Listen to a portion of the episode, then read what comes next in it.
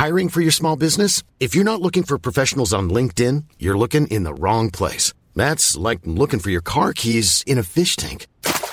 LinkedIn helps you hire professionals you can't find anywhere else, even those who aren't actively searching for a new job but might be open to the perfect role. In a given month, over 70% of LinkedIn users don't even visit other leading job sites. So start looking in the right place. With LinkedIn, you can hire professionals like a professional. Post your free job on linkedin.com slash people today. How would you like to look five years younger? In a clinical study, people that had volume added with Juvederm Voluma XC in the cheeks perceived themselves as looking five years younger at six months after treatment. Look younger, feel like you. Add volume for lift and contour in the cheeks with Juvederm Voluma XC. Reverse signs of aging by adding volume to smooth laugh lines with Juvederm Volure XC.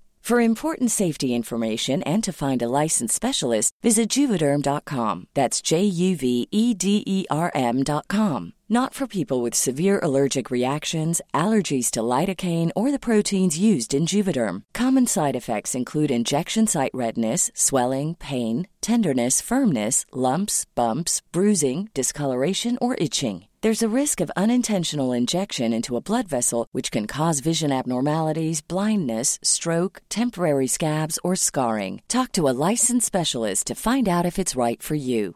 Burrow's furniture is built for the way you live.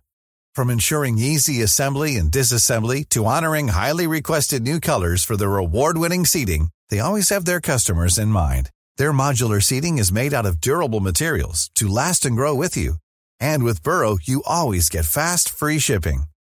Get up to 60% off during Burrow's Memorial Day sale at burrow.com slash ACAST. That's burrow.com slash ACAST. burrow.com slash ACAST.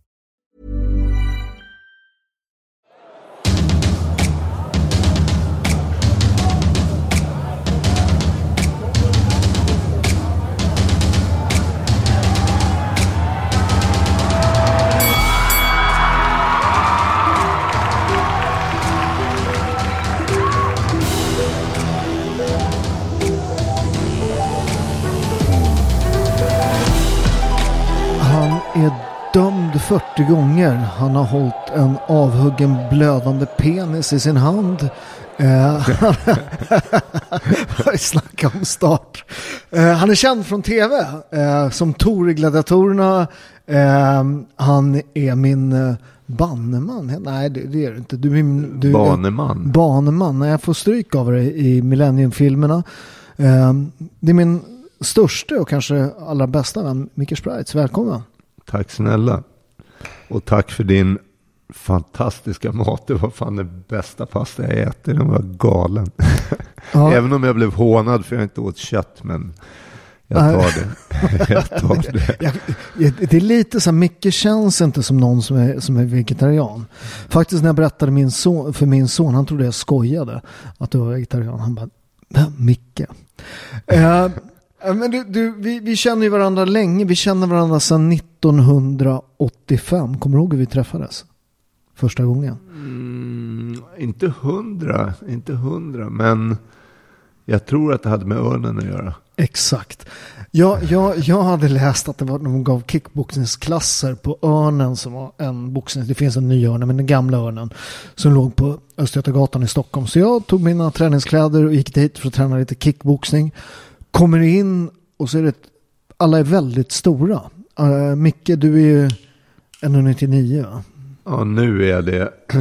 Ja, det här var ju länge sedan. Det var du två. Då var jag 2,40. Ja, men Nej. det, det var alla och, och jag kom in där och sen så, så här. Det Kan var jag trä- biffar. Var Ja, det. alla var enormt. Alltså, så här, men det var inte bara det att folk var två meter.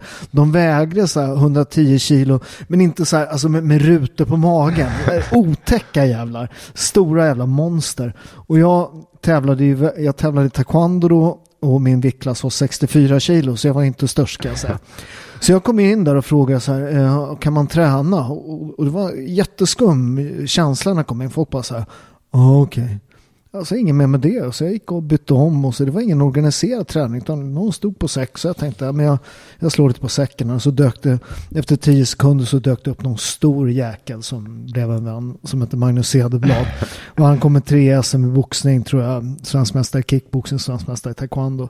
Och jag fick så jävla... Europamästare i jujutsu. Ja, just det. Jag fick så jävla mycket stryk. Jag fick stryk av dig. Jag fick stryk av alla. Du var väl tvåa i Europa i karate, var du inte det? Ja, som junior var jag det. Ja. Och det visade sig att det var ingen öppen träning utan det var en massa dörrvakter som hade hyrt stället. Ja, fantastiskt.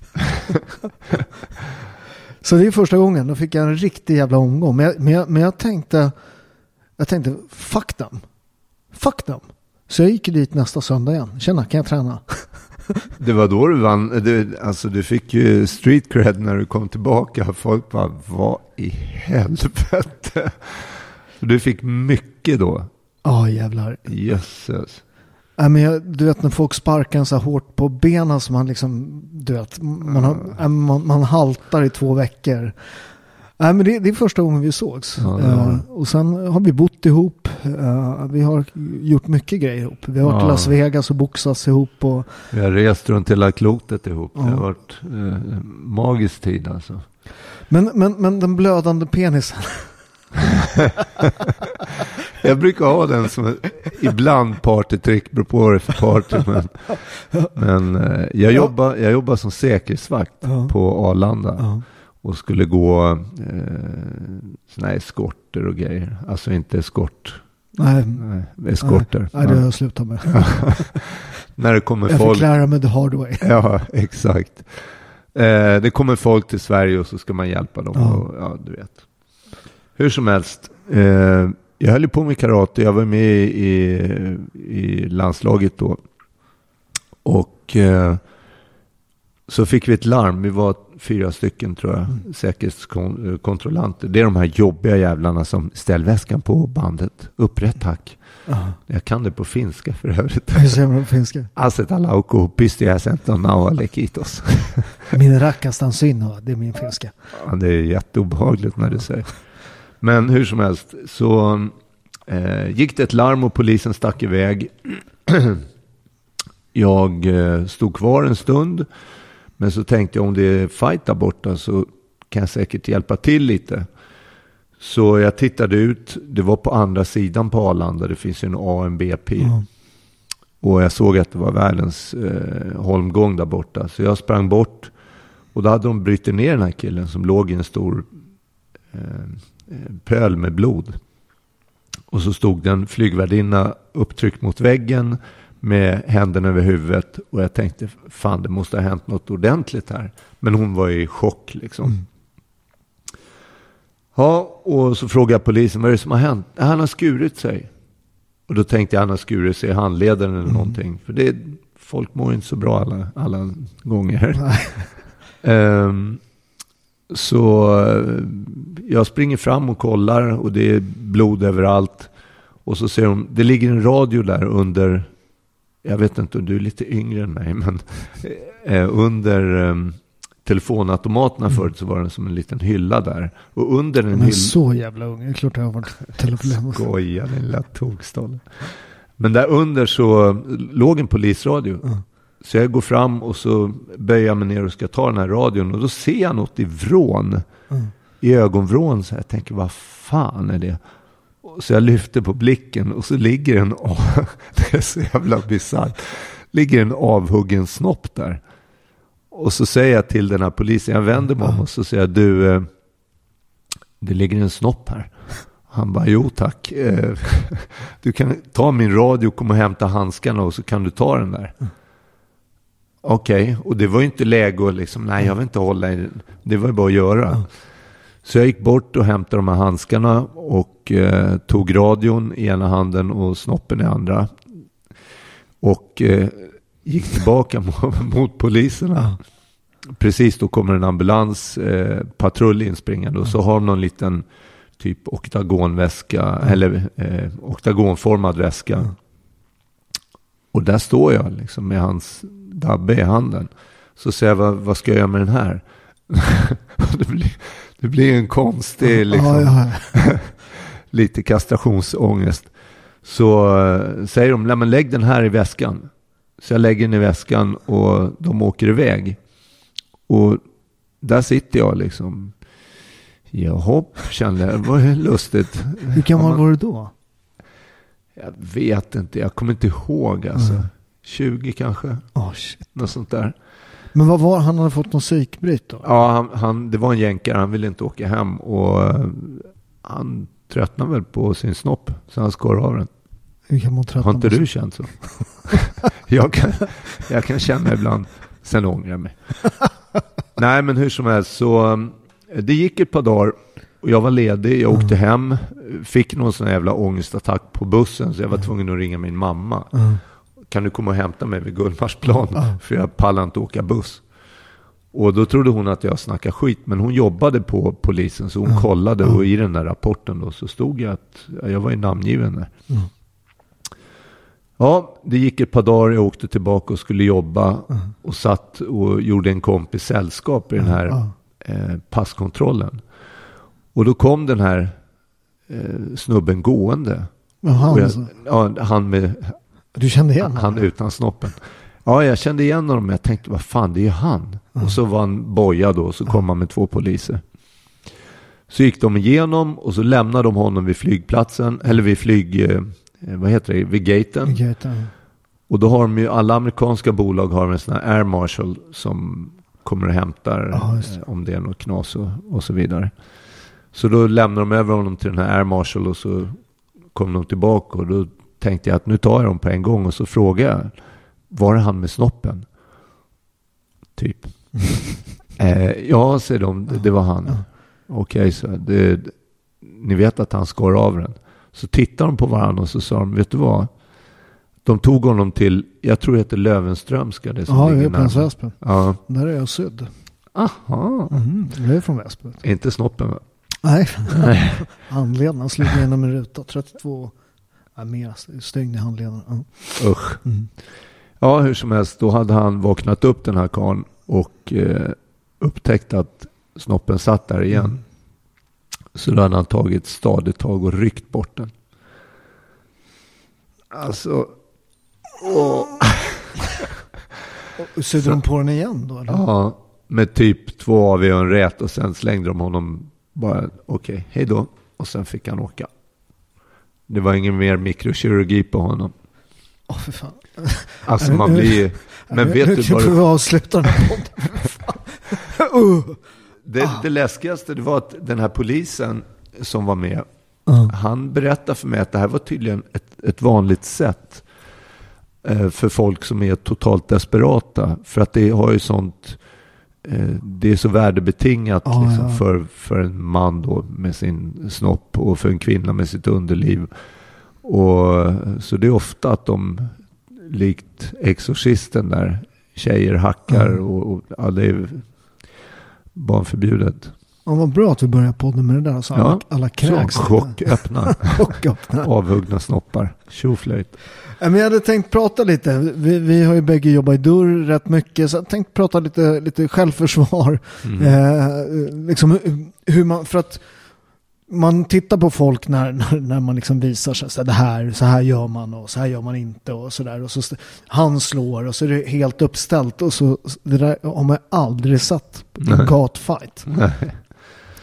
Och vi har jobbat mass, vi har till och med jobbat ihop i rätt många år. Ja, jag tror på kaféet jobbar vi ihop. Direkt. Även om vi jobbade eh, omlott om man säger. Men Nej, vi, vi jobbade ihop också. Gjorde vi det? Ja. Ja. det är möjligt. Vi bodde hört- ihop i alla fall. Åh herregud. Kaos. Ah, kaos. men, men, men, men när man pratar om det där med, med, med självförsvar eh, och vad som funkar, vad som inte funkar. Alltså alltid de här killarna som hit och dit jag kan och det här, så här gör man. Ofta när det gäller gatfighter, de fattar nästan inte ens vad som händer. Liksom. Utan, utan nummer ett, folk som kan slåss på gatan, nummer ett är taktik. Alltså manövrera sig in i en position där du kan slå först. Och där har du vunnit. Och de, de flesta människorna kan ju inte ta en smäll. Så är det. Så är det absolut. Jag, eh, av de här 40 dö- domarna, att vi, att vi ens nämner det, det är för att de skrev det i Expressen. Eh, när jag skulle vara med i Gladiatorerna. men du sa ju inte, stämmer det eller stämmer det inte? Ja, det stämmer. Men det är ju för... Men det låter ju som det inte stämmer. det är inte bara för våld allting. Nej, okej. Men det, det vill de gärna få det att Ja. låta som. Utan det är ju fortkörning eller man har åkt i bussfil. Och, men det är ändå en dom. Ja, ja. Ja. Men det var jävligt viktigt och när det skulle målas upp vilken fruktansvärd människa jag var. Men jag var transparent från början så att alla diskussioner bara dog. Ja. Det gick över på en gång. Så efter det har jag valt att, att hålla mig eh, transparent Ja. och leva ett rättfärdigt liv. Hur länge sedan är du dömd? Eh, 2006 tror jag. Okej. Ja, det, var, det blev lite stökigt när jag skulle få mitt visum när jag skulle flytta till Kalifornien. Då fick jag... Då, det jag fanns ju inte kvar eh, i tingsrätten Mm. utan de, alla domar finns kvar. Trots att folk säger då att ja, efter tio år är det borta. Det är borta från tingsrättens arkiv men du åker till Riksarkivet. Så då får man gå och hämta ut eh, och där finns allt. Så då fick jag hämta ut det och så fick jag förklara några domar på amerikanska ambassaden och så fick jag eh, lite så här vikt hörna på mitt pass typ att kolla den här killen. Så varje gång jag kom tillbaka till Kalifornien om jag hade varit här av någon anledning så kollade de igen då och gick igenom eh, frågan vad min mamma hette och du vet det här. Ja. Men det var också skönt för att jag hade kunnat hoppat över och bara säga jag är aldrig dömd, jag har aldrig gjort någonting. Och det, jag hade kunnat klara mig igenom. Men jag hade redan bestämt att det här med rättfärdigheten gör en stark. Och gör man rätt så slipper man be om ursäkt och man slipper backa och man, eh, man kan gå rak i ryggen. Huvudet högt och ryggen rak. Mm, jag vet, jag som Anders erkände mitt brott, det var, alla tog det jättebra. Ja, det föll väl ut. Det föll kan man lugnt säga. Men, men, men äh, nog om det. Vad heter det? Vi har ju en känd fight också på riktigt. Ja, Eller, eller eh, kanske en av de mest sedda svenska filmfighterna. Du spelar ju Niederman i, i Millennium-filmerna. ja. Lisbeth Salanders brorsa. Du, du, du vet att det var, du, du vet de frågade mig, känner du någon stor blond snubbe? Nej, du vet. Och sen så hade, hittade de ju någon snubbe från Schweiz, någon jättestor snubbe. Exakt. Har du hört den här? Ja, jag har hört det, att han var lite knäpp va? Ja, Han, han, nej, men han, han, de, de, de satte på en handskar, han hade tränat kickboxing och sådär. Skulle han sparra med mig? Uh, alltså vi det var inte speciellt hårt. Ja, Alltså. ja, ja. Men, men, eh, Det här har inte jag hört. Fan nej. vad kul. Nej, utan det var inte utan så här, det var rätt la, alltså vanlig sparring. Så han åkte väl på någon proppar, men han var ju rätt stor. Eller Ja. rätt, jätte, han var ju över två meter, det var ett monster. Va? Så han åkte på några proppar där och, och sådär, var inget med det. Men sen så hade han liksom velat ha dubbelt betalt om han skulle spela mot mig. Så kommer jag vara billig. Eh, Ja, men, och, nej, nej, men, och sen så, hade de, sen så dök det upp, nej, men vi hittat en kille, jag tror du känner honom. Vem då? Spra- men han är ju för fan inte blond. Eh, så de färgade ditt hår. Och det, den är ju rolig, du måste berätta om den scenen när vi gör upp där i den här eh, ladan. För att vi tränade, vad tränade vi? Hur länge tränade vi för den här? eh, Vet du, det, det är så jävla fascinerande hela historien. För att vi höll på att träna på den, säg ett par veckor. Ja. Och så någon dag innan vi skulle filma Ja. så pajade min fot. Eh, en hålfotssena Ja, eller vad det hette hade gått av. så jag kunde inte stå ordentligt. Och, Du är vek ja. Ja, jag är vek och svag. Men du gav mig en tid. Jag tror det var du som gav mig en tid som Lena skulle ha haft hos en kille som höll på med laser. Ja, just det. Ja. Så jag gick upp eh, på Sankt Eriks sjukhus var det här. Ja, det här var på fredag. Just det. På fre- nej, jo på fredagen var det. Och så skulle vi göra det här på söndagen, skulle vi spela in det här då. Eller nej, vi skulle öva på det du och jag. Inför regissören, vi hade satt ihop hela koreografin. Och jag gick upp och eh, eh, det var ju bara jag där. Sankt Erik var ju, var ju stängt. Ja. Det var ju liksom på kvällen. Så jag gick in Och den här mannen som skulle hjälpa mig, jag säger inte hans namn av släktens, eh, för respektera dem. Ja. Men han skulle göra sin Magic Laser-grej då på min fot. Och han började och sen kände jag att han bara säckade ihop lite konstigt bakom. så jag tittade över axeln. Och så sa jag till honom, Hör, vad, vad händer? Hur mår du? Så, Nej, men då hade han dött. Oj, just det. Det har jag glömt. Det var helt bisarrt. Så jag, jag med min onda fot, som, det var ju liksom ingen lek, fick upp honom i en rullstol, Ja. körde honom ut i korridoren och, och sen fick jag tag, de hade ett ambulansgarage där, eller har kanske. Ja. Och så gick jag ut och så sparkade på dörren och liksom öppna, det, det, jag behöver en ambulans. Men det var ingen som öppnade. Och så vände jag och kom tillbaka och då stod det en kille utanför och sa jag ska gå in och prata med min pappa och då var det hans son. Om jag inte minns det här helt fel. Det var helt bisarrt. Men sen fick jag på kvällen fick jag ett sms att, att han hade avlidit. Och sen skulle du och jag öva eller spela in det här på söndagen. Och de hade, vi hade sagt att min fot var helt kalanka så Mm. att det finns bara en tagning. Så det var, kom du ihåg, det hängde folk i takbjälkar Mm. med kameror. Det var fem eller sex kameror.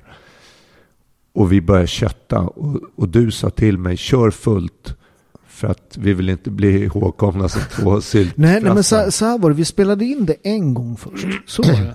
Eh, vi, vi, vi, vi, spelade, vi körde serien flera gånger. De, de, vi spelade in det först en gång och så Mm. gjorde jag efter den här koreografin. Och så tittade vi på monitorerna och det såg ju helt jävla Ah, så var det. det såg Så- helt jävla pajigt ut. Ja. Och det var du som sa till mig sen när vi gick tillbaka. Han, du bara, du vet vad vi måste göra?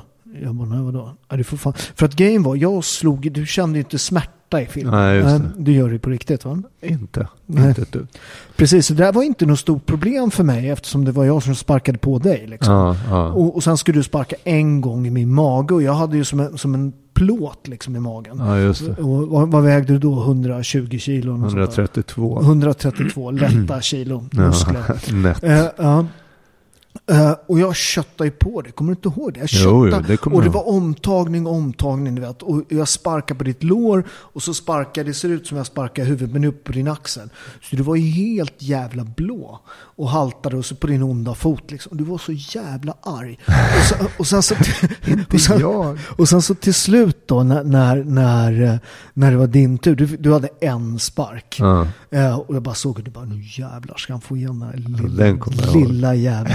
och du bara tog sats, men jag hade ju den där plattan liksom. Det var ju som bara sparkade trött din tönt liksom. och så precis när, hon, när du skulle dra iväg sparken, då var stopp, stopp, stopp, stopp, kameranen, plattan syns, Paolo kan du ta av den? Jag bara, åh.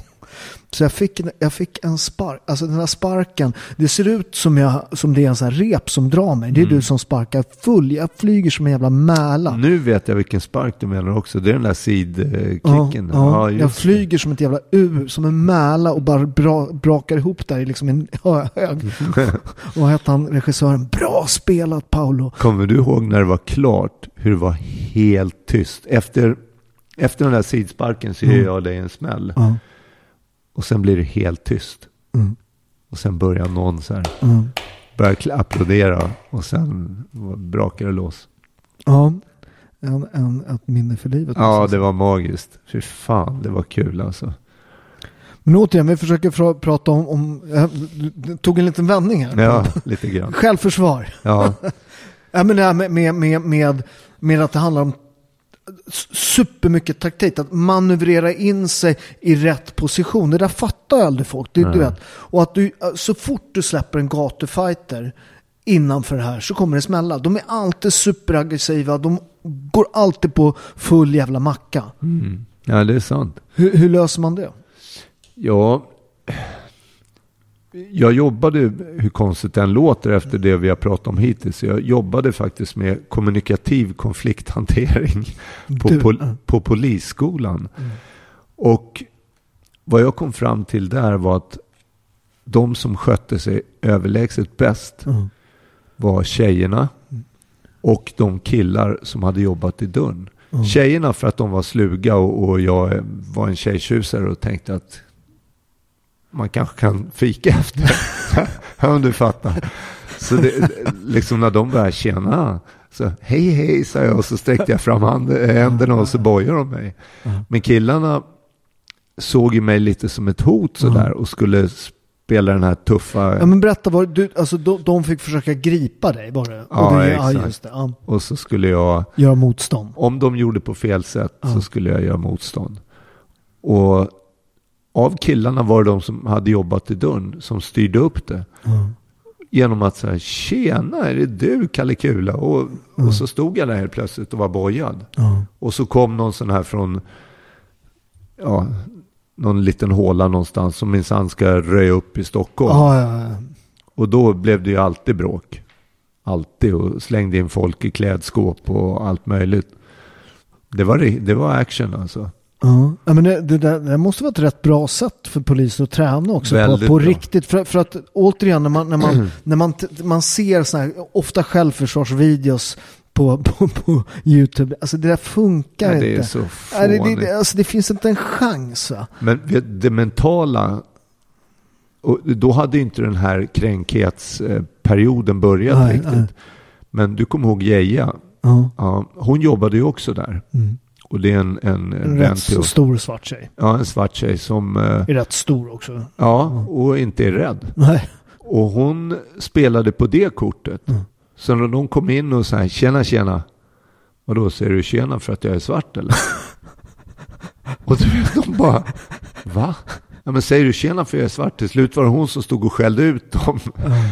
Så det, just den grejen är mycket psykologi och precis samma när man står i dörren. Vill man kan man få slåss varje kväll. Ja, ja. Men det blir jobbigt också. Så att man eh, styr upp det på något sätt. You should celebrate yourself every day, but some days you should celebrate with jewelry. Whether you want to commemorate an unforgettable moment or just bring some added sparkle to your collection, Blue Nile can offer you expert guidance and a wide assortment of jewelry of the highest quality at the best price. Go to BlueNile.com today and experience the ease and convenience of shopping Blue Nile, the original online jeweler since 1999. That's BlueNile.com. BlueNile.com.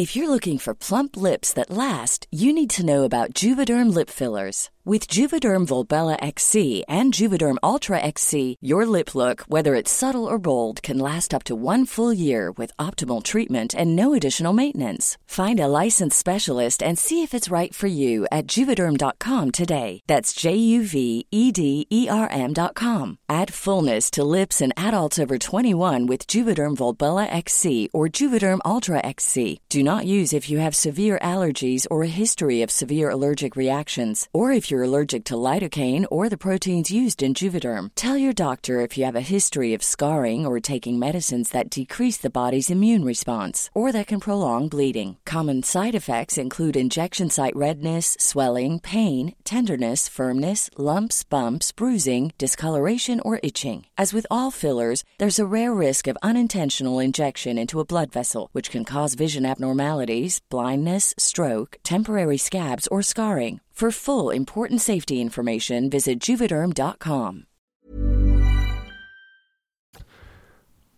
Precis, och det, den är rätt spännande där med, med folk, just det med dörrgrejen. Ja, jag stod bara där och så gick dörrvakten fram och så bara brottade ner mig. Ja, tjena. Av, av alla jävla idioter man, alltså du vet så mycket dumskallar man möter på en kväll. Eh, att man väljer då den snälla killen som står i en hörna och säger ingenting. Och så bara Alltid. brottar man ner, brottar man ner honom och Bara spontanbrottas Ja, sp- jag bara stod där och så brottade han Ja, ner så mig. bara slängde han mig i backen. Ja, tjena. Men vet du, jag, jag har tänkt många gånger, vi har ju, hur konstigt den låter, Paolo och jag, våran, vi är en som en liten triad, det är jag och Paolo och en, en annan kille. Han kanske vill bli namngiven, men han är faktiskt läkare och, och en ordentlig eh, människa. Men vi har sagt,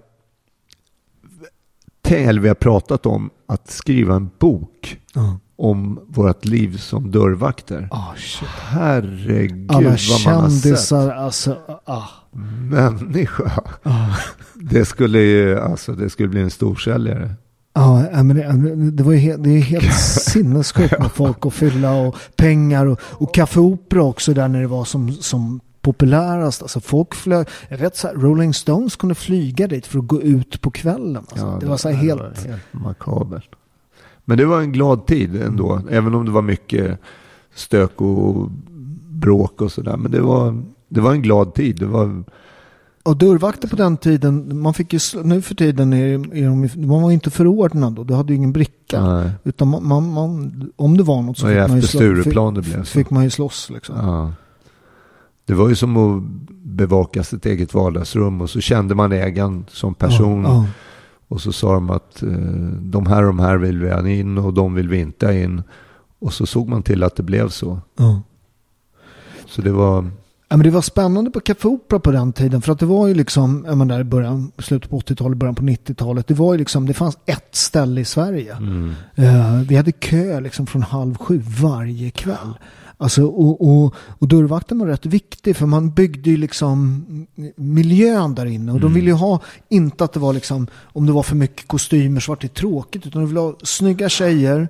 Eh, snygga tjejer gillar snygga killar. Eh, men snubbar med mycket pengar. gillar- Du vet, du hittar den här mixen så alla spenderar mycket pengar. Och det där var en konstform måste jag säga.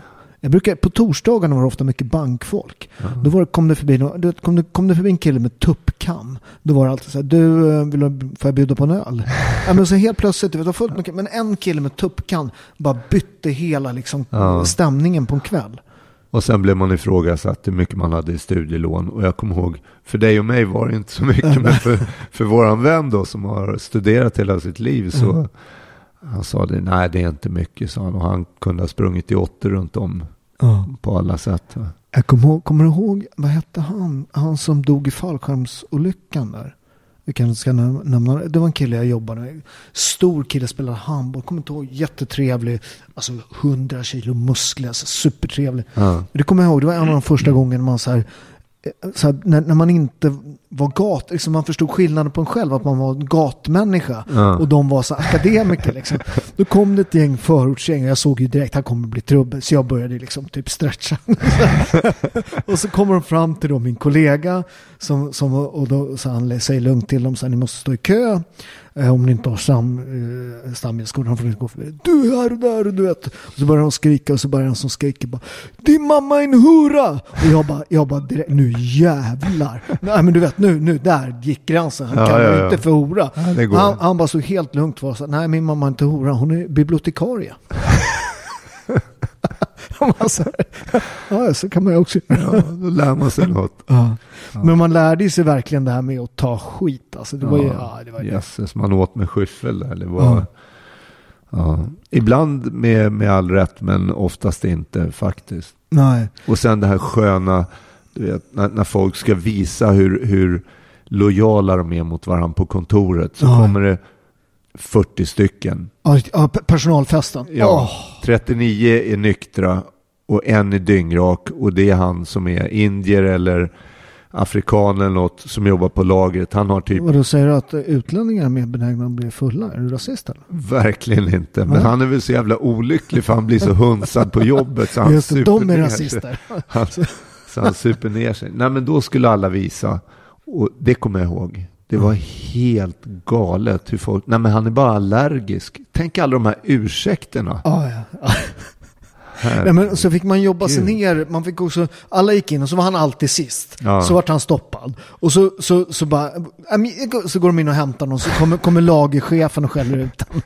alltså, men han kommer inte komma in. Sen kommer ekonomichefen och skäller ut honom. Så kommer vice vd och skäller ut honom. Till slut kommer den dummaste jäveln som är vd och skäller ut honom. Och bara ber han dra åt helvete liksom. Ja. Ja, men det, var, det var glada tider ändå. Det var annat. Det var oskyldigt även om det var käftsmällar. Men som det är nu så har det ju... Jag skulle inte för mitt liv vilja jobba i en dörr igen. Jag vart i och för sig knivhuggen i dörren. Så att. Ja, och du blev väl det. Jag klarar mig faktiskt. Den, den var ju bäst. Alltså, jag, du vet, jag vart knivhuggen, vart iväg, skjutsad till sjukan. Så kommer polisen efter en halvtimme med så här uppslaget block. Ni vill göra en anmälan här? Ja, hon är på. Jag, jag, Det var med vår tredje kompis som inte nämner namn, läkaren. Så vi, han var inte läkare då, men då var jag, var jag det var ju på, på SÖS då. Men då bodde vi ihop, eller hur? Ja. Det var på, jag var på SÖS och du, du, du vet så här, Sverige, svensk, redan då var det kaos liksom. Du vet en lördagkväll. Så, så, så att, alltså jag öppet så är jag huggen i huvudet liksom. Jag, jag, ligger, jag ligger, ligger och så här, får, och de, de har så mycket folk så de, de, jag får hålla en binda liksom. Och det bara rinner blod. Jag tänker så här, efter ett tag så tänker jag så här, fan jag börjar yra. För jag tittar över på andra sidan, då, då i min liksom, här, den här y, alltså jag börjar yra. Jag ser, Ja, jag ser, blodbrist. ja, jag bör- ja, jag ser en dvärg som bara hoppar upp och ner. bara studsar. Ah! Han skriker så här. Och jag tänker, vad fan är det där? Så jag säger, fan jag måste yra. Det är en dvärg. Nej, det är, det är en dvärg som har tagit en jävla överdos. som på knark. Herregud. Ja, alltså. så, så att, ja. ja. Nej, och tillbaka till kampsporten då. Vem, vem, är, vem, är den, vem, vem är den tuffaste du har sparat med då? Förutom mig. Ja, eh, jag tror att helt ärligt, jag sparrar med Remy Bonjaski som är en, en K1-legend. Legend. Fast jag tror den absolut jobbigaste och den som är ondast, det är Jörgen Krut. Ja, ja. För det, det är obehagligt. Ja. Jag, jag vill helst inte prata om det. Nej, nej, men, så, nej, men det, jag har ju sparat med honom också. Jag gör, jag, det gör lite ont bara jag hör. Alltså den här... Ja, det är vet, hemskt. Ja, men, så här, jag är lite snabbare på händerna, dumt nog. Liksom. Som, som man, man är så här bålgeting. Bara, träffar han lite, vilket bara gör det mycket värre. För han bara ligger så, så bara drar han vet, en jävla så Och här, hans- smalbensspark Åh, över, över armarna. Så här. Man bara så här, mm, mm, mm. Och sen så du vet, eh, efter två ronder så kan man inte ens hålla upp händerna. För att Det är så mycket- fruktansvärt. Jag tränar ju nu på, nere på Allstar Ja. med Alex Gustafsson och allihop. Fast jag har aldrig sparrat mot dem. Jag kan tänka att det måste vara en, en riktigt obehaglig, nu är han en fantastiskt snäll människa, men en obehaglig upplevelse. För att man blir bollad med som en liten, ett garnnystan. Va? Jag måste säga Oman Bovic var en jävla obehaglig jävel. att spela Ja, ja, är inte sparra, men vi har, har gjort några övningar så här. Man Ja. känner det, den här killen Ja. kan göra mig illa. Ja, Men Ja. Jörgen, Jörgen är liksom by far den läskigaste jag har sparrat mot.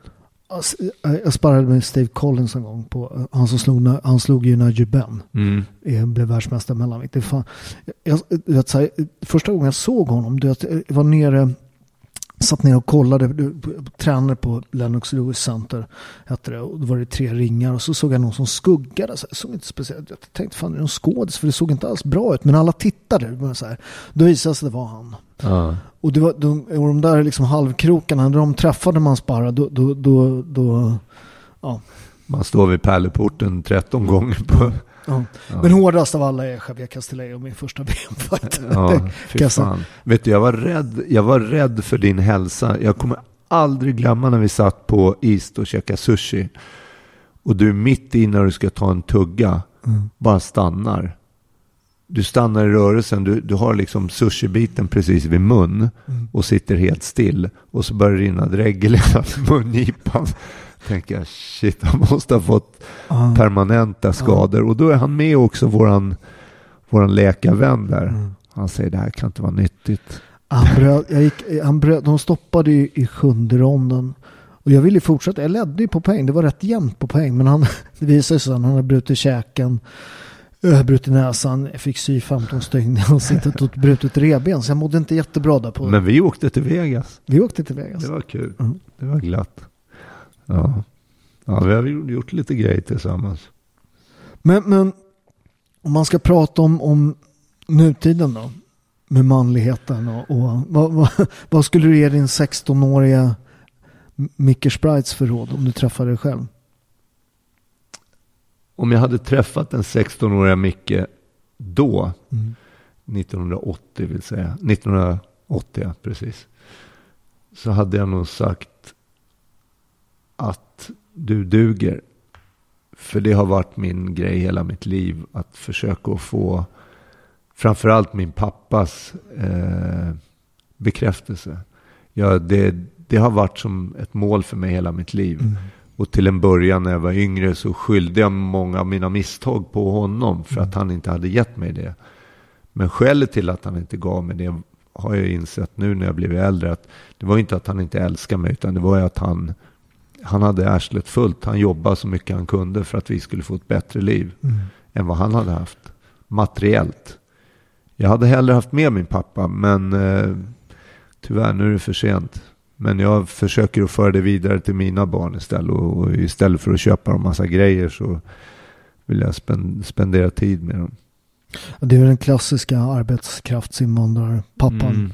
Fy fan vad de jobbar. han- han sa- slet alltså. Ja, det var helt Fy sjukt. fan, alltså, han sa till mig, när jag kom till, han, han var, alltså, han jobbade jämt. Jämt. Och han sa till mig, när jag kom till Sverige, kunde man inte svenska fick man ingen jobb. Hade du ingen jobb fick du inga pengar. Hade du inga pengar fick du ingen mat. Det var ingenting. Det var, liksom, det var bara att köra. Han satt och körde. Han var utbildad inom hotell och restaurang. I en eh, jätteansedd eh, eh, restaurangskola i Schweiz. Och min pappa var österrikare. Så han gick där i skolan och sen flyttade han till Sverige. Och då fick han sitta och köra lastbil och leverera batterier till folk. Och det, det tycker han var liksom en, en period i hans liv som var katastrofal. För han gjorde inga stålar och Nej. han var borta ändå ganska mycket. Men för mig så var det en av de bästa. För att då satt jag med honom i den här lastbilen. Mm. Och min pappa hade en egen lastbil. Fattar du det? Ah. Alltså det var ju så stort va. Ja. Men eh, tyvärr, han och jag, vi, eh, det, det blev schismer emellan oss. Ja. Bägge två var jävligt stolta och, och så vidare. Men när det var tre månader kvar, eh, det visste vi inte, men Han nu hade tre månader kvar att leva. Så, eh, ja, så sågs vi och så käkade vi med varandra och så pratade vi med varandra. Och vi tog inte i hand och sa förlåt för vad jag har gjort. Men Mm. allt är glömt liksom. Mm. Och eh, jag fick sån jävla ångest när han gick bort. För att jag hade suttit i tv och slagit mig för bröstet och sagt jag ska pissa på hans grav. Mm. Och det var det sista jag tänkte när, jag, när han väl försvann. Va? Mm. Så, nej det, Det, det är ju det där att de gjorde så gott de kunde. ja. Jag ville ha haft mer Mm. tid. Men, du, men du måste, när var din pappa född? 42. Ja, min är, är född 37. Mitt i kriget. Ja, men det, det, det är en helt annan. Farsan säger han kan, han kan fortfarande vakna och komma ihåg flygräderna. Han vaknar, Ja. kommer ihåg flygräderna. Min pappa, han, ja, som sagt, han är österrikare och hans, hans pappa blev ju tagen och satt i Sibirien och, eh, som krigsfånge och kom tillbaka och var han var ju hatisk liksom mot Ja. mycket. Men också han, han gjorde det bästa han kunde. Och min, min pappa, jag har insett nu, eh, inte på senare år, men det var, var ett par år sedan, att han, han var en, eh, om vi kommer tillbaka till ämnet Mm. man, han var en riktig man och han visste inte bättre då hur, man, hur mycket värt det hade varit för mig att spendera tid med honom. Mm. Han ville, vi skulle ha en, en guldfärgad Volvo. Ja. Det fick vi. Segelbåt, villa. Och det var ingen liten villa. Det var liksom ett, ett riktigt schabrak. Va? Men han gjorde verkligen sitt bästa. Och sen märkte han att familjen är borta. Mm. Och det vill aldrig jag komma till den Han insikten. jobbade bort familjen. Han jobbar Ja, bort familjen. ja. Och jag vill inte komma dit. Jag, jag har jobb, jobbat mycket men det jag jobbar med nu det är nog det minst glamorösa, mest Alltså halv sex varje morgon väck, väcks jag av väckarklockan Mm. så ska jag iväg. Och så ska jag sätta mig i bilen och åka till Södertälje och så ska jag riva lägenheter Mm. och bygga upp kök. Och jag tänker, det här har jag gjort nu i två, tre månader. Förut jobbade jag ju med ungdomar då. Mm. Eh, Du har gjort allt. I perioder har du haft så mycket pengar så att det bara... Ja, ja absolut. va. I perioder jag åkte i fläskiga Mercer och, och Mm. köpte hus. Och, Mm. Men det här, det här känns på något sätt, det, det känns manligt. Förstår du? Det är, det är, ja, jag förstår exakt. Jag har ingen kvinna i min närhet som har sagt till mig, gud vad kul, kan man få följa med och jobba som rivare i Södertälje? och gå upp halv sex varje morgon. Mm. Det, det känns jävligt bra. Det är, det är, är hard labor. Det är blue collar. Man, man jobbar. Jag tror, jag, tror att det, jag tror att det finns en, som en del i oss, manligheten, som har helt gått förlorat i den här liksom, mm nya manligheten. Jag, jag, tror, jag tror att hela manligheten, man pratar väldigt mycket om det toxisk liksom, maskulinitet och allt. Jag tror att det handlar rätt mycket om förvirring. Jag tror att, att det handlar om att vi måste igen liksom så skapa en manlighet. Man måste skapa rutiner. Det finns inte ett enda samhälle som, liksom, där man inte hade manlighetsriter med smärta allt mm. sånt där. Det är en otroligt viktig grej. Och jag, jag som är pappa till en son, liksom, det, det, är, en, det är en otroligt liksom, viktig Fast grej. Liksom. Det, är vika, det är lika viktigt för mig. Jag, jag har ju två döttrar mm. och den, den, stora tjejen, hon är ju vuxen. Mm. Men den lilla tjejen, för henne att få se Alltså om jag skulle vara en pappa, jag har ju varit i perioder här i Sverige mm. för att jag inte har, har, hittat någonting att göra. Jag jobbar ju först med, med de här ungdomarna då på anstalter och, och försökte liksom ja. humanisera lite, men det, det gick inte. Det är en story för sig. Men nu när jag har det här jobbet och går upp liksom varje morgon och sticker och jobbar och hon ser att det här är ingen lek. Man mm. kommer hem och har sår överallt. Igår var jag på sjukan och sydde igen huvudet. Mm. För jag fick ett järnrör i skallen. Um, och alltså, på något sätt så känns det som att de här influencer, hela den där biten. Alltså när en 26-årig kille sitter och berättar om livet, hur, hur det ska levas. Mm. För mig blir det jättekonstigt, för jag har gjort, jag har gjort det han har gjort, mm. fast för 30 år sedan. Och jag vet vad det, vad det kommer bära av och jag vet vad det kommer bära för frukt för honom. Det är möjligt att han får en massa pengar, men han kommer fortfarande vara vilse i pannkakan när han blir stor. För han har ingen karta. Alltså, Exakt. Från, från man till son eller man till dotter. Jag sätter exempel med min dotter, med lilltjejen, att jag öppnar dörren mm. på bilen. Hon sitter kvar tills jag öppnar dörren. Mm. Och jag det är en varningssignal för henne om en kille kommer och hoppar ur bilen och går. Mm. Vad är det här för snubbe? Han öppnar inte ens dörren. Det där min son är, det där måste jag säga, som det där har vi också varit jättenoga med. Att man, man låter kvinnor gå före och så. Och det är inte för att kvinnor är svaga könet, utan det är för att du är fucking uppfostrad. Mm, du har lärt dig hur världen funkar. Och grejen är, när en 18-årig kille, min son är 18, när en 18-årig kille öppnar dörren, du vet, vet, de får, alltså, det händer ju inte. Nej, han, alltså, du vet, för, honom, för honom blir det ännu mer du vet, mm. viktigt. Liksom, för han får ju så otroligt, oj, du vet. Vad, vad. Men, men jag, det är jag är enkel, och det, Men det, det måste uppföras så det blir en ryggrörelsereflex. Det, det är, alltså, Nej, men det är så. Och, det, det, och, det, och, i Sverige är vi så dåliga på det här med artig. Och det är inte så att vi snackar skit om Sverige. Vi kan snacka hur mycket skit som helst om Italien. För de har massvis med skit. Men jag bor inte där.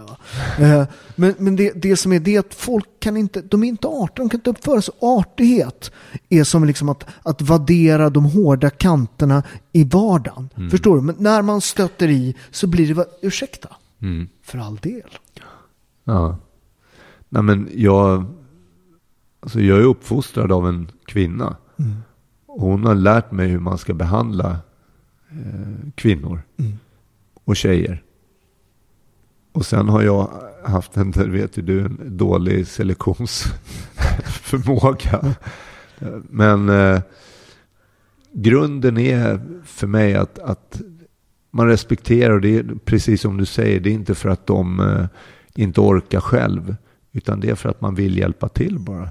Ja, ja. Nej, men för, att, för att det handlar om äh, ett skådespel. Ja. Det, det, det, det, är samma... som ett orrspel. Fåglar ja, i naturen, ja, alla håller precis. på. Utom tydligen äh, du vet, i Sverige. Man... Fast, vet du, helt ärligt. Det har ringt en tjejpolare till mig. Det var ett tag sedan. Kanske var ett år sedan.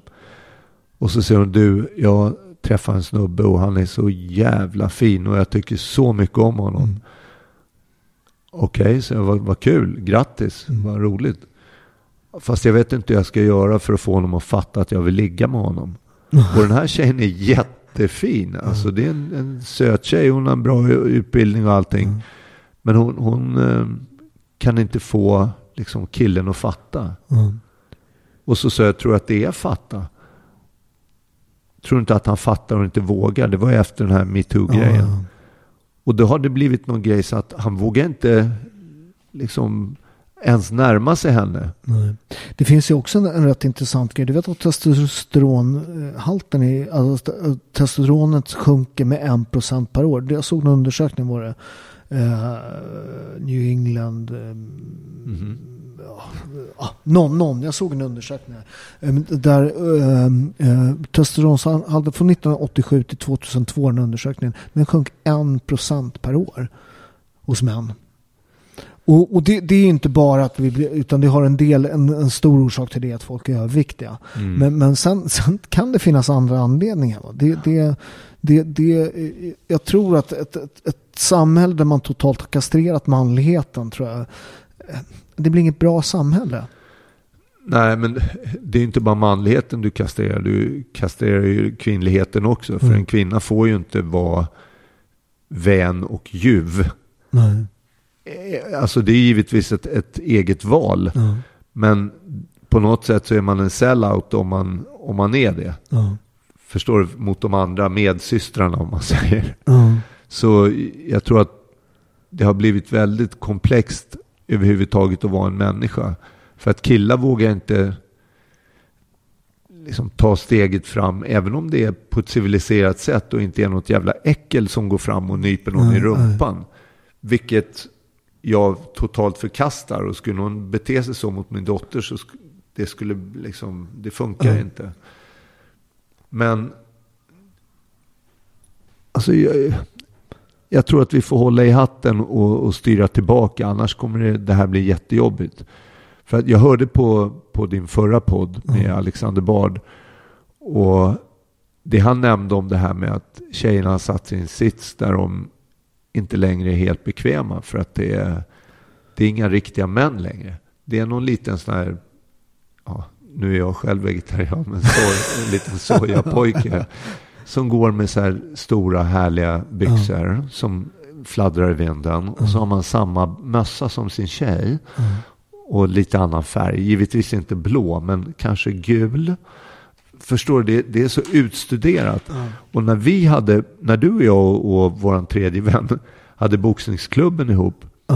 Så hittade vi det här uttrycket, eh, killen på filten. Just det. Och de killarna har ju återuppstått. Ja. Det är de här som alltid har väninnor. Ja. Och så lägger de sig bakom sin väninna och ska sova tillsammans.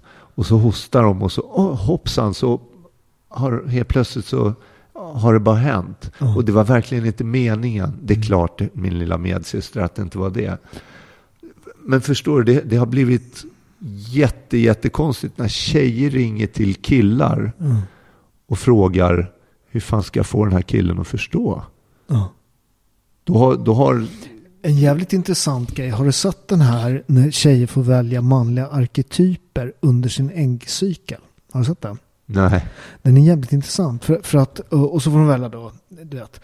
Och så eh, under mensen då, väljer de ju poeten och fina, Ja, du vet, Södermalms lattekillen. inget ont om Södermalm eller poeter. Vi måste säga det så ingen blir sårad. Så, Kränkt menar jag. du, va? Så ingen blir kränkt. Nej, nej, du, du tror inte hela det gänget är jättekränkt av mig konstant. Bara, bara Jag, jag, jag, tror, jag tror att jag har bränt alla de skeppen kan jag säga. I min, i min feministintervju på P3. Vad heter det? Ja, men de väljer då i, un, under liksom, men precis under ägglossningen, vad väljer de då? Machomannen. Ja, det är så. Mm. En, en, Biologi. en reflektion jag fick Mm. när det här Ukraina-kriget bröt ut. Vilket är fruktansvärt. Ja, ja. Det är liksom, vi kan lämna det, det är bara fruktansvärt. Men Vitali Klitschko och Vladimir Klitschko. Eh, Vitali Klitschko han är eh, borgmästare i Kiev. Och den andra är hans bror. Och jag har livvaktat eh, Vladimir när han var i Stockholm.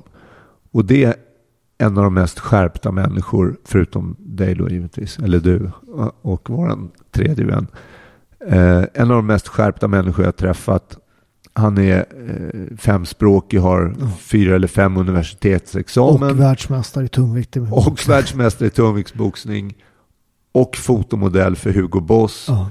Och så var han gift med Hayden Panettiere, en sån här Hollywood-kändis. Hur som helst. Eh, en super, super trevlig, intelligent, inte alls någon sån här primat typ av man. Men när Ukraina-kriget bröt ut och han och hans bror hoppade upp eh, i tv-rutan runt hela jordklotet med eh, kamouflagekläder och sa nu står vi upp för våra kvinnor. Eller för vårt land. Mm. Det var ingen kvinna som sa då, men vi kan också stå upp. Nej. De, det- det- då rördes det i grytorna och då var det inte så mycket liksom tjafs. Och där, när, när det sista kom till det sista, eller det värsta till det värsta, och det är krig. Det var nästan som automatiskt. Där står han Mm. som en stor reslig man som, som kör. Han, han kan skita i det där. Han kan göra som Han är hur rik han, han, kan, han, han har så mycket pengar. Ja. Han kan säga som Kalle Schulman sa, den Mm. lilla råttan. När han sa att Sverige, vad är det för jävla skitland? Det finns mycket bättre länder att bo i. Jag skulle sticka direkt om det blir krig. Det är inte Mm. Ja, men en det, man. det, ja, men precis, det är den nya, de, de ryggraslösa amöbamännen. Va? Eh, eh, Men, men Det behöver inte vara att man ska vara en stor, bullrig, tuff liksom, slagskämpe med massa muskler och tatueringar. Man måste bara det, kliva det, i. Precis, och det är, ingen som, det är inga, inga feminister som har, har, har liksom st- ställt sig på barrikaderna. För att det är, ju- män får inte lämna Ukraina. Nej. Utan de måste stanna och slåss. De är, du vet, Ja. kvinnor och barn är okej. Men kvinnor och barn går först och, och så har det ju alltid varit. Ja. Det, det, De är för övrigt, jag, jag har ju boxats förmatch två eller tre gånger till Klitschko-bröderna. ja, De är enorma. Ja. Vilka jävla monster alltså. ja, men så otroligt. Ja, trevliga. Ja, Men, fantastiskt. men återigen, Ja. stora monster. De är 202, 202. Ena är 202, den andra är 204. Jag tror Vitali är lite längre än vad, än vad och, byggda, och byggda som grekiska gudar. Det är att man ja, står, det är man, man står där i invägningskön. Så Vitali, Klitschko, du vet, hu- hun- 116 kilo. Paolo Roberto, 66,7 kilo. Men du vet att han var världsmästare i kickboxning också. I know. Ja, men Och det, det, olympisk mästare. Mm. ja. men det, det är intressant. Jag tycker min pappa var en, en riktig man. Sen hade jag velat ge honom några extra egenskaper. Att han, eller kanske kunskaper, insikter. Ja. Om att jag hade behövt honom. Att han hade varit lite mer empatisk i, sin, liksom, i sitt mål att, att tjäna massa stålar. Och han hade massor med stålar. Men då hade det som var värt något försvunnit.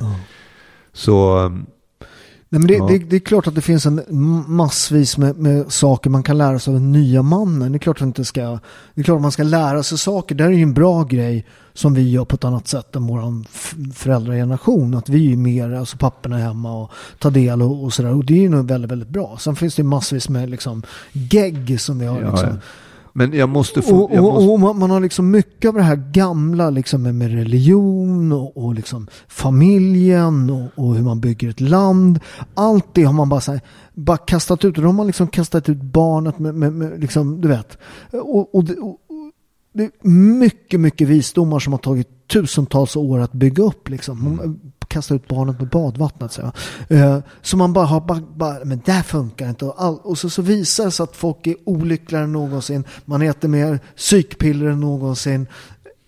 Det är något som inte funkar i vårt moderna samhälle. Va? men det är också, det är också för att man nästan tvångsmässigt måste eh, anpassa sig till de här reglerna som är. För att står du utanför det här PK-träsket som är, det blir tufft alltså.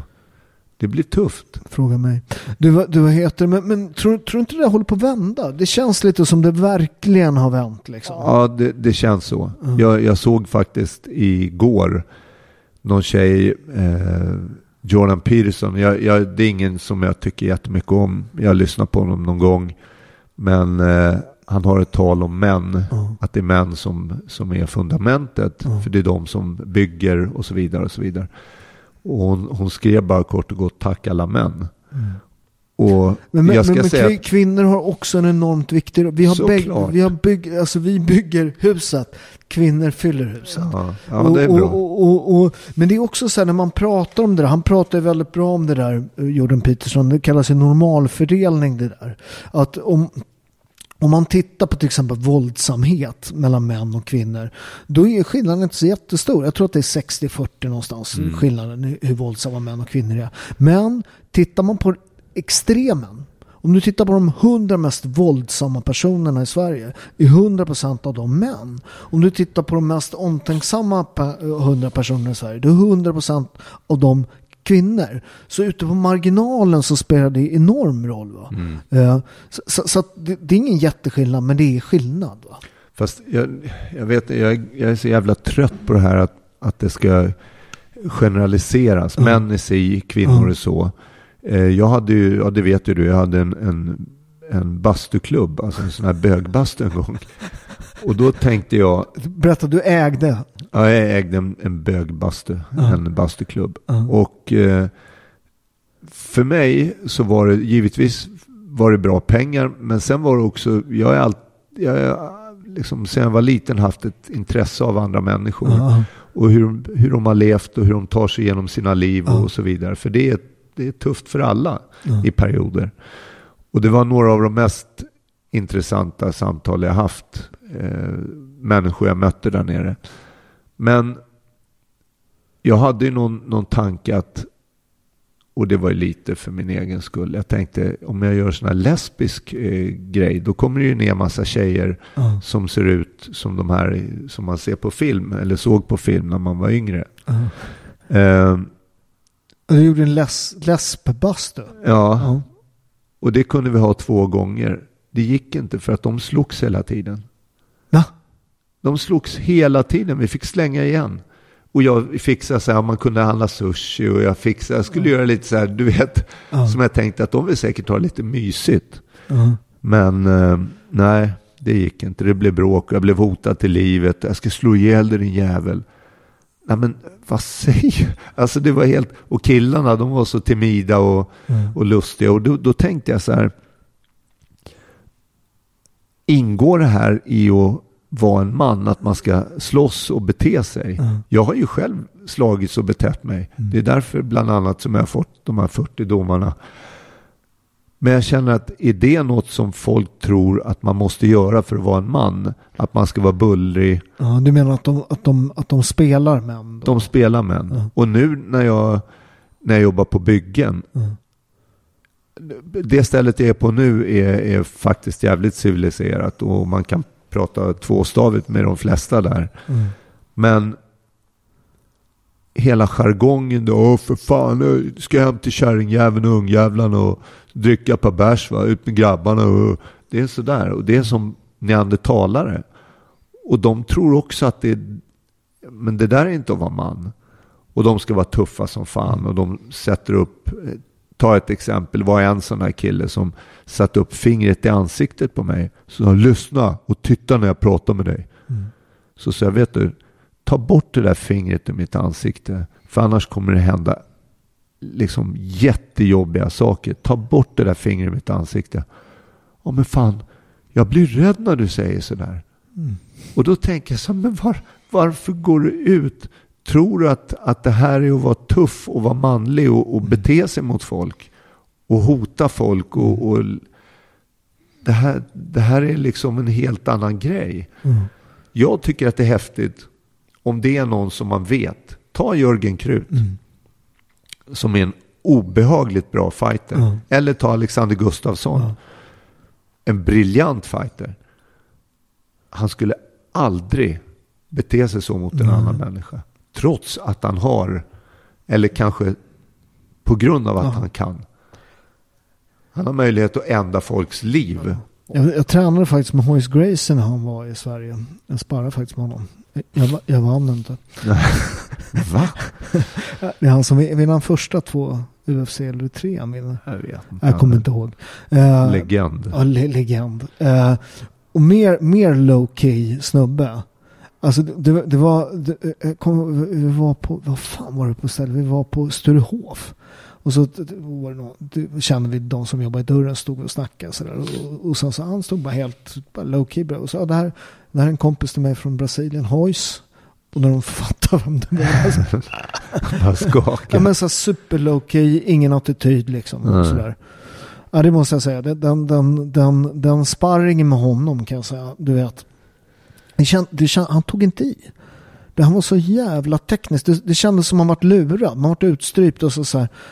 Nej, en gång till, vi kör. Ja. ja, jävlar.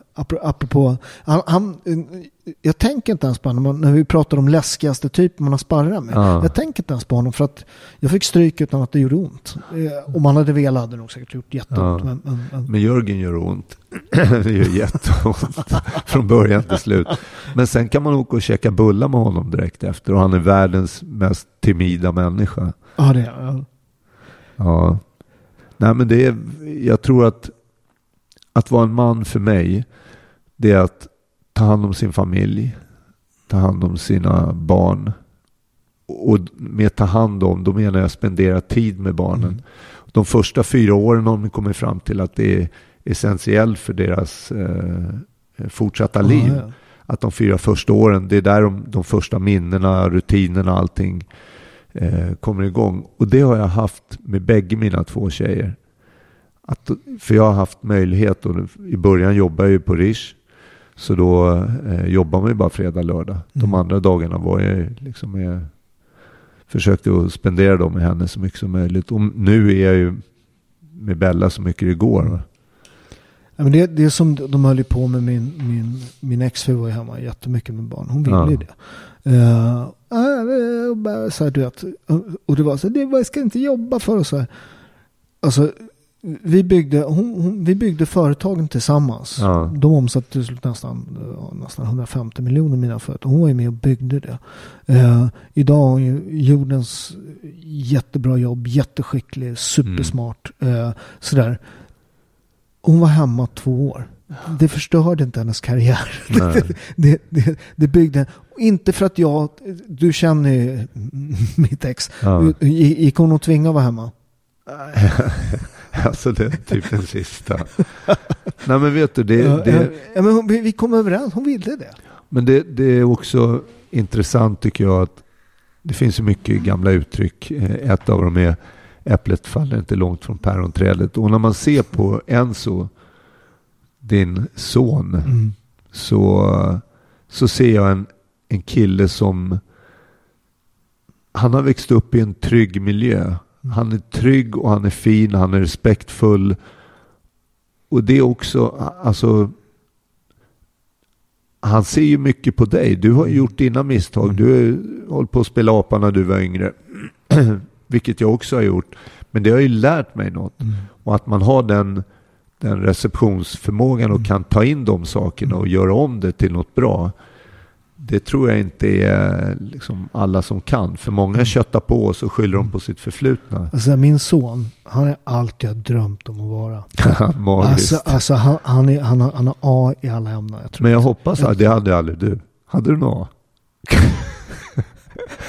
Nej, men vet du, ska hade du, du kommer inte ens ihåg betygssystemet i skolan. Nej, jag Vi hade femma som. Vi hade, Femma ja. Ja, vet du, vet du en som höll på med min morsa och sa att farsan sopa i skolan. Så här. Mm, sa min morsa, du vet att din pappa hade högsta betyg i flera ämnen? Det är bra. Ja, jag hade, bra. jag hade högsta betyg i idrott, Nej, men garva Hör och häpna. historia, Ja. syslöjd. Sen hade jag skitbetyg i alla andra. Men där också, ta bara syslöjd. Är också, det är jag, alltså jag och Bella, min yngsta Mm. tjej. Vårt största gemensamma intresse, det är väl andra världskriget och historia. Ja. Och sen sy och sticka och fixa. Hon, hon stickar, när inte hon läser böcker så stickar hon. Mm.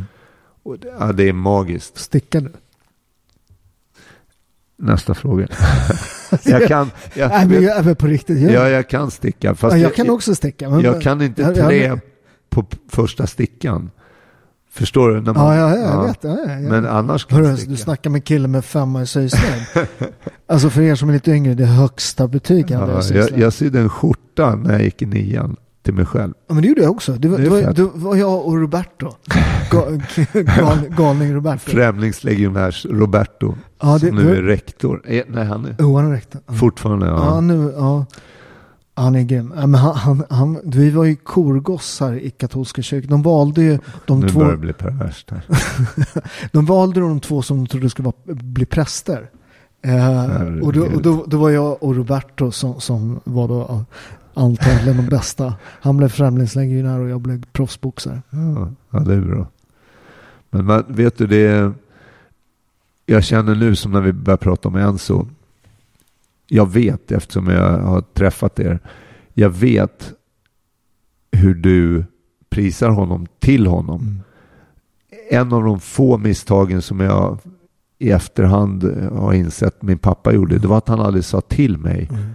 Han var så jävla stolt över mig. När, när vi gjorde filmen eller när jag eh, hade tävlat. Jag kom hem från junior-EM och vi hade, hade kommit tvåa i lag. Jag hade med mig en stor jävla buckla. Så sa han, gå och byt om och sätt dig och jobba.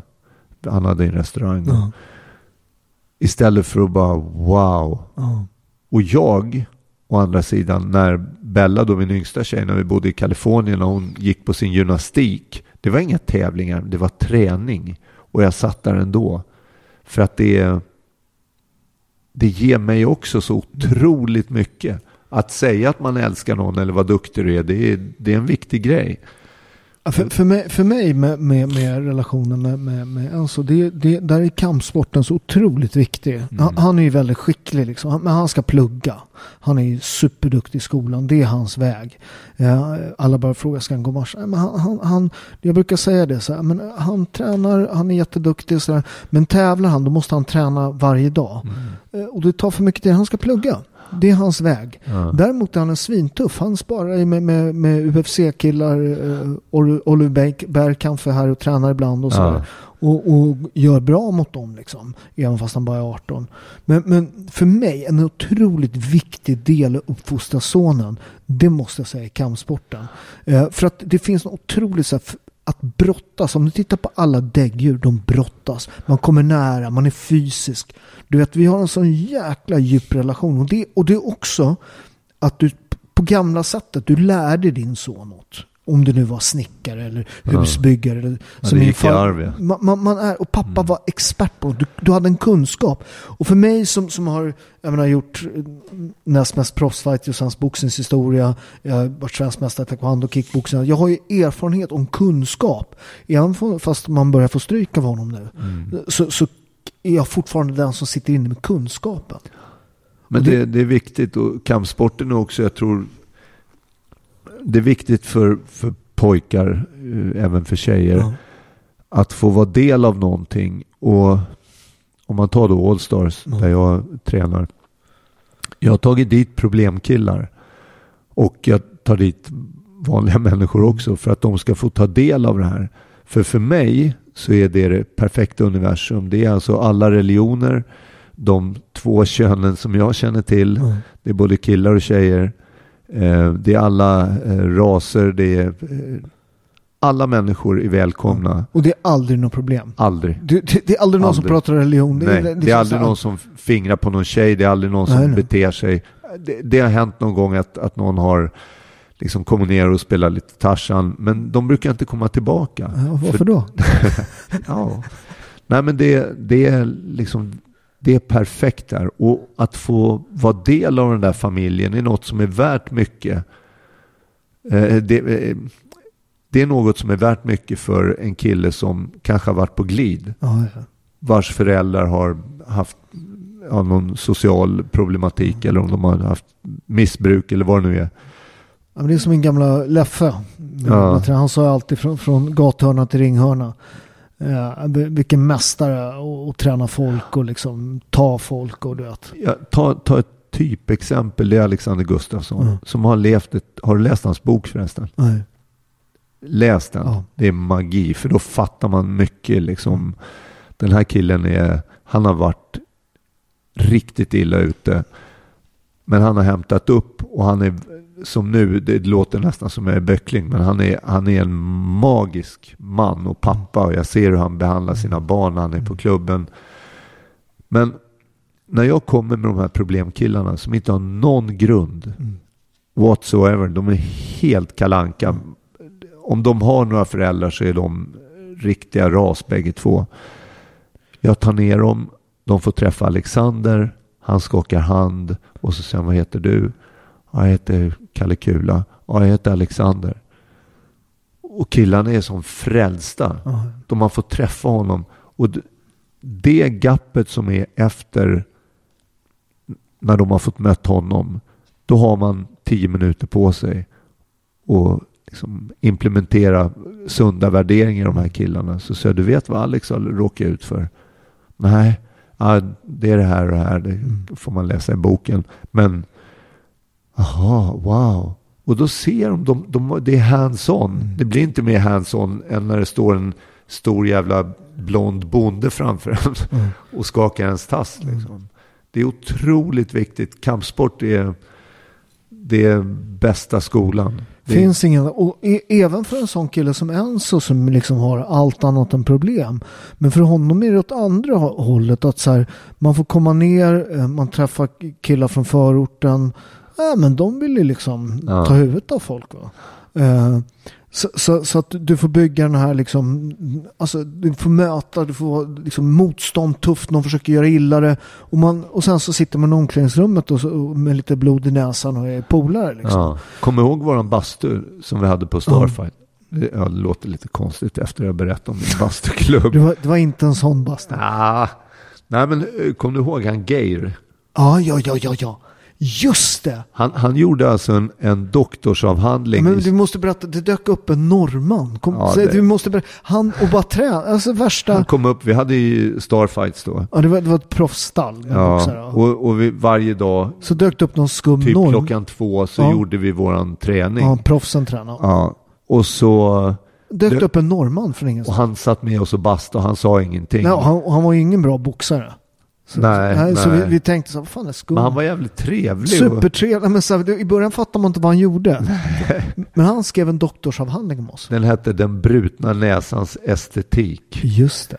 Och så, eh, alltså han, han gav ut en bok om det här fenomenet. som Sociala relationer i... i Exakt. Ja. Och det här fenomenet som det är, det som sägs i bastun Ja. På Starfight, det stannar där. Ja. Och där kan man, det är så nakna relationer i, i dubbel bemärkelse, så man kan sitta där och berätta. Det var också det den här eh, på Örnen var. Precis, jag du vet exakt var det är på väg någonstans. Det är faktiskt en av de viktigaste meningarna i mitt liv. Det, det är Peter, en polare till oss, Ja, som, som sa till dig, eh, eh, men hos mig fastnade. Eh, han sa till dig, du, vad menar du du, att det inte fastnade hos mig? ni, ni, Mi- Micke är alltså två meter, så han, han är lite Det hotfull. gled av. Ja, det gled av. Ja. Vad, vad heter det? Nej, men, du, var, du hade torska för några smält till. Någon jävel som hade varit, varit dum i huvudet. Du Ja. hade rätt. Det var ingen snack. Eh, men då, då sa Peter till dig. Ja, han sa till dig. Micke. Ditt liv kommer bli mycket enklare när du slutar försöka uppfostra världen. Mm. För, för att det finns så jävla mycket dumskallar som fan ska kokstryk alltså. Men, men, men, men vad hjälper det liksom? Buddha sa. Oj. Buddha. I, i, Micke. nej, men I linje med det här. Ja, ja. Något liknande. Ja. Jag kan inte ord för ord. Men om du någon gång har en fiende. Så sätt dig vid flodens kant och vänta. Så snart kommer han flyta förbi dig. Mm. Det vill säga. Du behöver inte ta tag i det. Det löser sig själv. Mm. Vissa säger karma is a bitch. Mm. Och det löser sig själv. Nio Nej men, det, men det, det kommer jag ihåg, alltså hela den här grejen. Jag kommer ihåg man, när man så försökte s- i slutet vara kriminell och hamna i bråk och så här. Jag kunde stå, du vet, jag kunde stå ja, men så på, på Slussens tunnelbanestation liksom. Så var det någon jävla gäng där. Hamnade i slagsmål. Ja. Helt själv. Hur fan gick det till? Kom jag, kom jag på vad det var? Du vet så här, det kom några jävla stökigt gäng där. Då tittar man ju på dem. Du jag tänker inte sänka bäcken. Man bara så här, men vad är det? Ja, men så, så jävla, ja, men så superkorkad. Ja, men så, vad, vad vinner man nu? Du är själv. Ja. Så här, ingen ser dig. Du behöver inte ens spela Tarzan för någon. Så här. Utan ja, men du bara, vad glor du på? Vad glor du på? Men som så här jävla... Men jag träffade en kille på, du känner honom också, som nu är, är av hela den här kriminalgrejen. Eller, eller kriminal, vad heter det? Kriminalitet. Ja.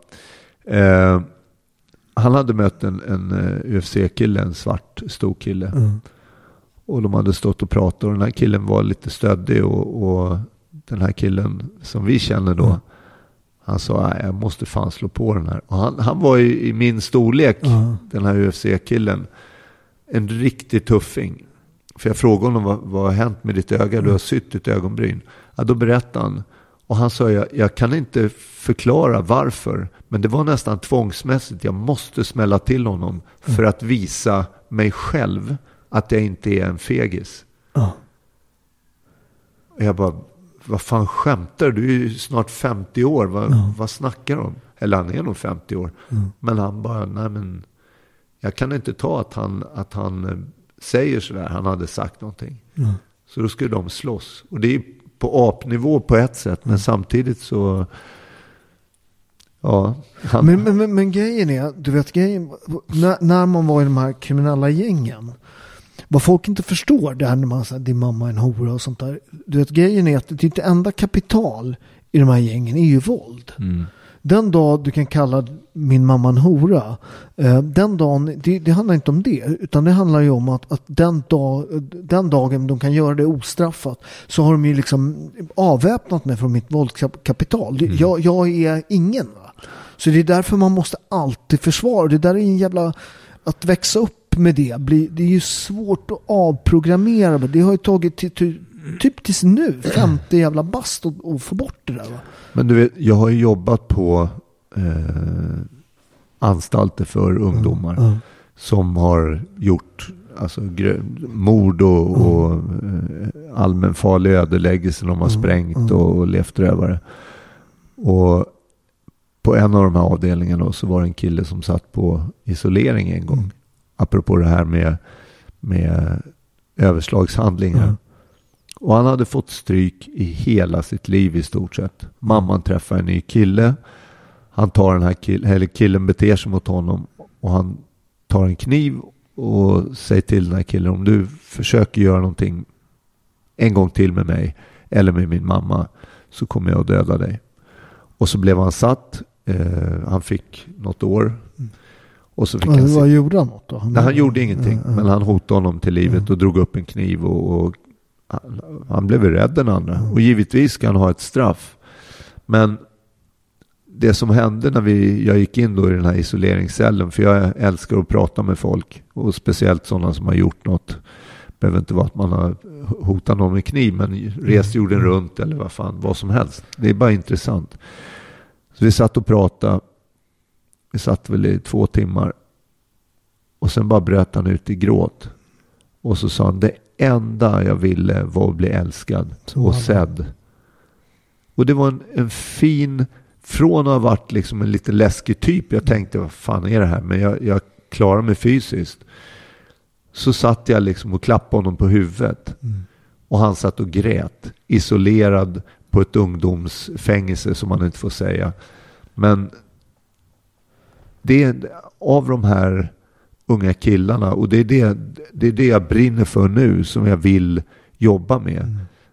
Få stopp på den här gängkriminaliteten som är alla dödsskjutningar, eh, nyrekryteringen. Jag har massor med, med- eller massor, men jag har ett par bra projekt på gång.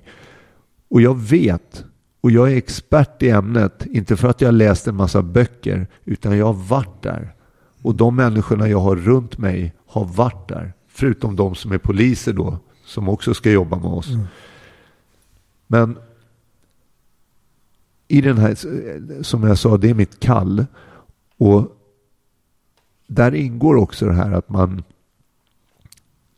som förälder fattar prioriteringarna. Om du ger din kille eller, eller tjej en ny telefon för 20 lax så att hon kan visa sina kompisar. Jag vet inte vad det ska fylla för funktion, Mm. men, men kanske någon. Istället för att hon har en iPhone 2 eller vad fan de Ja. nu heter, någon som inte är så ball. Men att hon har pappa där hela tiden. Pappa skjutsar henne till träningen, pappa skjutsar henne tillbaka. Ja. Att hon har den här, eh, alltså det här Ovillkorliga kärleken. Ja, och det här fundamentet och att, att föräldrarna är något man kan lita på. Jag, alltså, om folk...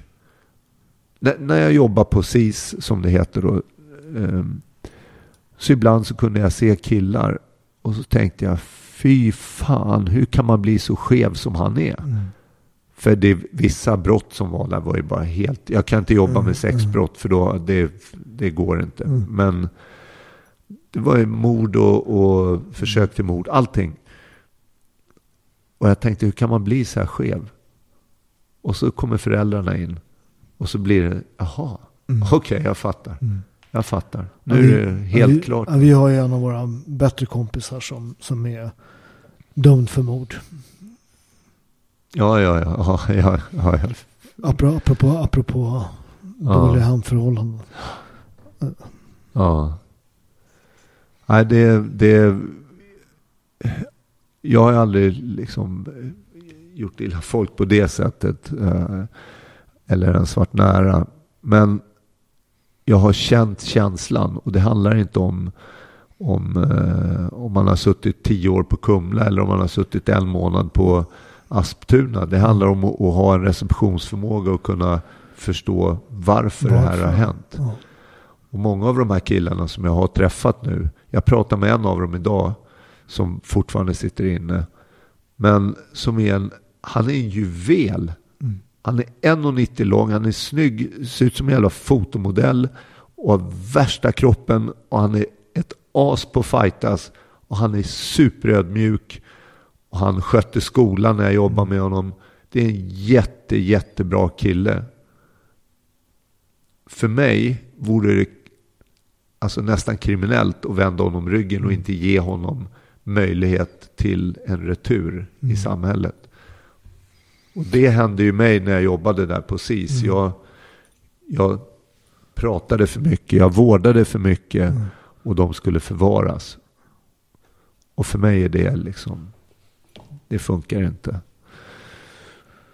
Nej, det där är ju problemet. Det pratas så jävla mycket om hårda tag och hårda straff och sånt där. Och det, det, det, det, jag tycker det är helt rätt. Vi måste ha hårda tag, hårdare straff. Man, man måste kunna göra två saker samtidigt. Utan så här, trycker man till allting stenhårt. Det är klart att det har varit helt absurt som det har varit nu under de senaste åren. När du kan göra de mest bisarra brotten. Det är också, Men- det är men- också på grund av det här jävla kränkhetshelvetet som har brutit loss. Mm. Eller brutit ut. För att nu, om, om du mördar någon Mm. och är 16-17 år så kan du max få fyra år. Under de fyra åren behöver du inte göra ett jävla piss. Du kan bara sitta och kolla på Netflix. En gång i veckan så får du 250 spänn. Då ska du köpa cigg och godis för de pengarna. Det kostar 8000 per dygn att ha en kille på SIS. Och det är bara att räkna i fyra år. Och de gör ingenting under tiden. Ja men det finns, det finns skola säger de. Ja men den är frivillig. Har de här killarna karaktär? De, de går inte till skolan om de inte behöver. Självklart inte. Nej, de käkar godis och kollar på Netflix. Och blir superstjärnor. För när de har, som han eh, Diamant Salihu sa i den här Tills alla dör. Han sa just det. Tills alla dör. Och det här kommer att fortsätta. För när de har gjort sin fyra och har blivit en hundra kille Mm. och kommer ut igen så är de Elvis Mm. i den kriminella världen. Så att det... Och i botten med några väldigt, väldigt, väldigt få undantag så är det frånvarande pappor och en dysfunktionell relation med sin pappa. Och det är därför som jag nämnde det här. Du och Enzo, ni spenderar tid tillsammans men också att du förklarar för honom liksom, vilken jävla höjdare han är. För det är viktigt. Du är hans gud. Även om han inte... Han skulle hellre hugga av sig handen att säga det. Men, men så är det. Den, den är så rolig när, när, när, när, när Micke, vet du, för fan, han slår ju rätt hårt. Alltså, du hade, du hade sparrat med honom så lät han slå lite i kroppen. Ja, Micke, vet du. Sen så när han förstod att du var vegetarian, det är fan. Det är fan det roligaste. Han trodde jag skojade. Han trodde att jag bara gjorde Micke? Ja, han är vegetarian. Nej. Men vet du, där. Mm. Jag blev vegan också sex månader i USA. Och det var om möjligt ännu bättre. Fast jag orkade inte för Bella vill baka och grejer. Och det, jag kände mig bara helt som världens sämsta pappa man inte kan baka. Jag kan inte smaka för ett ägg. Varför ska du vara vegan? Nej, men jag ville testa. Jag ville testa. Och det var bra. Man hade en jävla återhämtning. Men, men det blev jobbigt. För jobbigt. Så men hur får du i dig alla essentiella aminosyror? Man behöver ju käka kosttillskott och sånt. Du får inte i dig det. Som vegan, alltså som vegetarian är det mm. inga mm. problem. Det har jag frågat vår tredje kompis om. Mm. Eh, men som vegan, då kan det bli lite stökigt. Man får ta lite tillskott. Och det, men det är inte, för mig är det inte intressant. Det är för extremt också. Jag, jag tycker det är liksom, det är att ta det lite väl långt. Ja, hur avslutar vi det här då? Ja, jag vet inte. vad, vad, vad, vad, säger vi när vi sitter här om tio år igen då? Fan, du, du är 60 då, Micke? Är du inte det? 58 om jag får be. 58? Ja. Uh, ja, vad säger vi om tio år? Mm. Fan vad tiden har gått. Tänk om vi hade... Nej, det kommer inte du och jag säga för vi har gjort så mycket. Ja, men det, det, det, är väl lite, det är väl lite sådär på slutet av livet. Nu är vi inte där, men, men förhoppningsvis. Uh, vi hade faktiskt en nära polare som dog. Du vet Ja, jag vet. Jag vet. Uh, så att det, det, kan ju ta slut. Han var lika gammal som mig. Uh, han dog igår. Uh, rest in peace. Ja. Vad heter det? Hjärtattack. Uh, nej men det, man vill ju att livet ska vara en berg och dalbana. Man vill ju liksom så här, och det har man ju gjort. Nu kan man ju liksom lugna ner det lite. Ja, men jag har ju levt, alltså jag har gjort grejer det är ju helt sjukt när jag är ute och föreläser. Folk tror inte att det är sant. Mm. Jag förklarar, jag har varit liksom elitidrottsman och sen får folk tycka vad de vill. Ja, men han har ju bara han har ju bara... Men du vet ju själv som boxar. Så jag har gjort det, jag har varit filmstjärna, jag har varit eh, ute och trampat i, i, på ställen där man inte ska mm. vara. Alltså jag jobbar på polis, jag fick betalt för att stöka med polisen. det är mycket värt bara det. Men när jag är ute och föreläser så... Alltså, folk tror knappt det är sant. Va? Och jag, jag säger det, jag brukar avsluta med att det är bättre att ha en, en tjock plånbok, eller en, en, ett tjockt fotoalbum än en tjock plånbok. Mm. När man väl tackar för sig.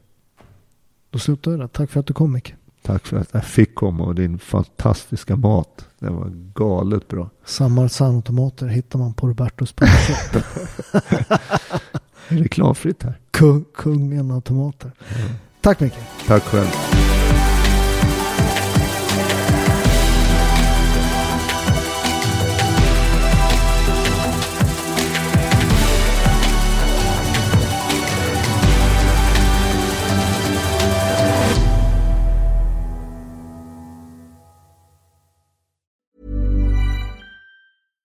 How would you like to look five years younger? In a clinical study, people that had volume added with Juvederm Voluma XC in the cheeks perceived themselves as looking five years younger at six months after treatment. Look younger, feel like you. Add volume for lift and contour in the cheeks with Juvederm Voluma XC. Reverse signs of aging by adding volume to smooth laugh lines with Juvederm Volure XC. For important safety information and to find a licensed specialist, visit juvederm.com. That's J U V E D E R M.com. Not for people with severe allergic reactions, allergies to lidocaine, or the proteins used in Juvederm. Common side effects include injection site redness, swelling, pain, tenderness, firmness, lumps, bumps, bruising, discoloration, or itching. There's a risk of unintentional injection into a blood vessel, which can cause vision abnormalities, blindness, stroke, temporary scabs, or scarring. Talk to a licensed specialist to find out if it's right for you.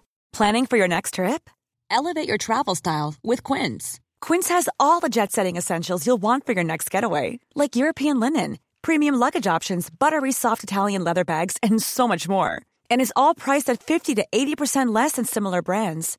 Plus, Quince only works with factories that use safe and ethical manufacturing practices. Pack your bags with high-quality essentials you'll be wearing for vacations to come with Quince. Go to quince.com slash pack for free shipping and 365-day returns.